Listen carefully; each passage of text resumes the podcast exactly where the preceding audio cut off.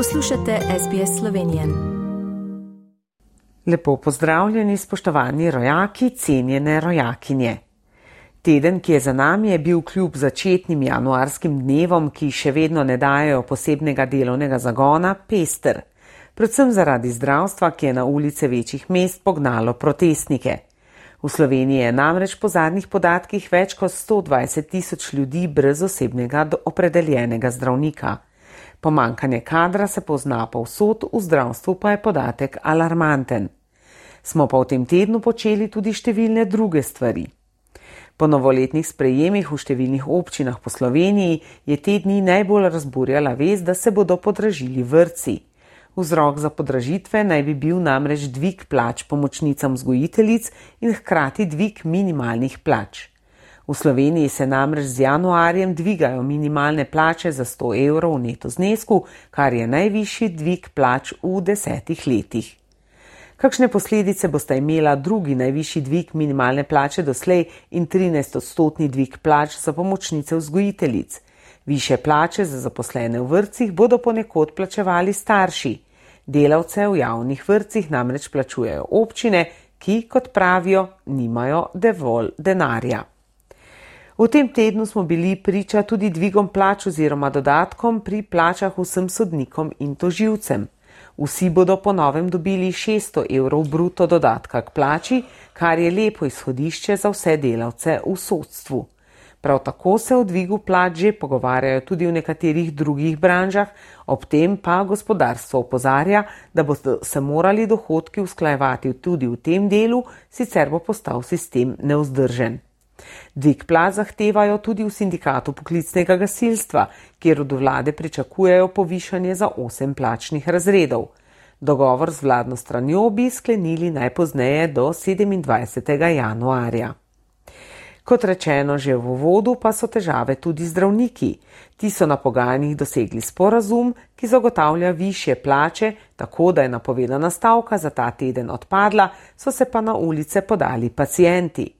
Vedno manj ljudi ima zdravnika, mnoge skrbi, da od njega sploh več ne bodo prišli. Kako najti rešitve je vprašanje, na katerega trenutno ne zna odgovoriti nihče. Je pa z delom začela medresorska delovna skupina za zdravstvo, ki bo bdela nad pripravo zdravstvene reforme, neposredno pa jo koordinira predsednik vlade Robert Golop. Ureditev zdravstvenega sistema je namreč ena glavnih prioritet predsednika vlade in vlade v prihodnjih dveh letih. V državnem zboru so se ta teden zvrstila tudi zaslišanja kandidatov za nove tri ministerske položaje. Vlada je namreč po referendumih v novembru dobila zeleno luč za ustanovitev še treh resorjev. Ministrstvo za solidarno prihodnost bo vodil Simon Maljevac, kandidat za ministra za kohezijo in regionalni razvoj Aleksandr Jevšek. Alenka Bratušek ne bi postala ministrica za infrastrukturo, spremembe se obetajo tudi na ministrstvu za šolstvo, ki se je odcepilo od visokega šolstva in znanosti, gospodarski minister pa bo po novem odgovoren tudi za šport. V prihodnjem tednu bodo kandidati za ministre imeli tudi predstavitve v državnem zboru. Še vedno pa ni znano, kdo bo po odstopu ministrice Tatjane Bobnar prevzel notranje ministerstvo.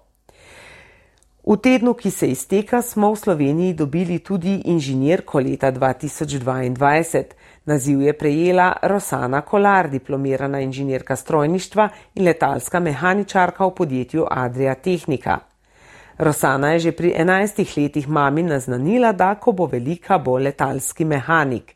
Leta kasneje, po uspešno zaključenem študiju strojništva, letalske smeri na fakulteti za strojništvo Univerze v Ljubljani, pa se je zaposlila pri Adria Tehniki. Je ena redkih žensk v Sloveniji, ki opravlja poklic mehaničarke potniških letal.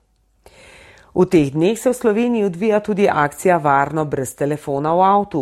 Po zadnjih podatkih je namreč veliko prometnih nesreč posledica uporabe zaslonov za volanom, kar bodo policisti v prihodnje še bolj preganjali kot doslej.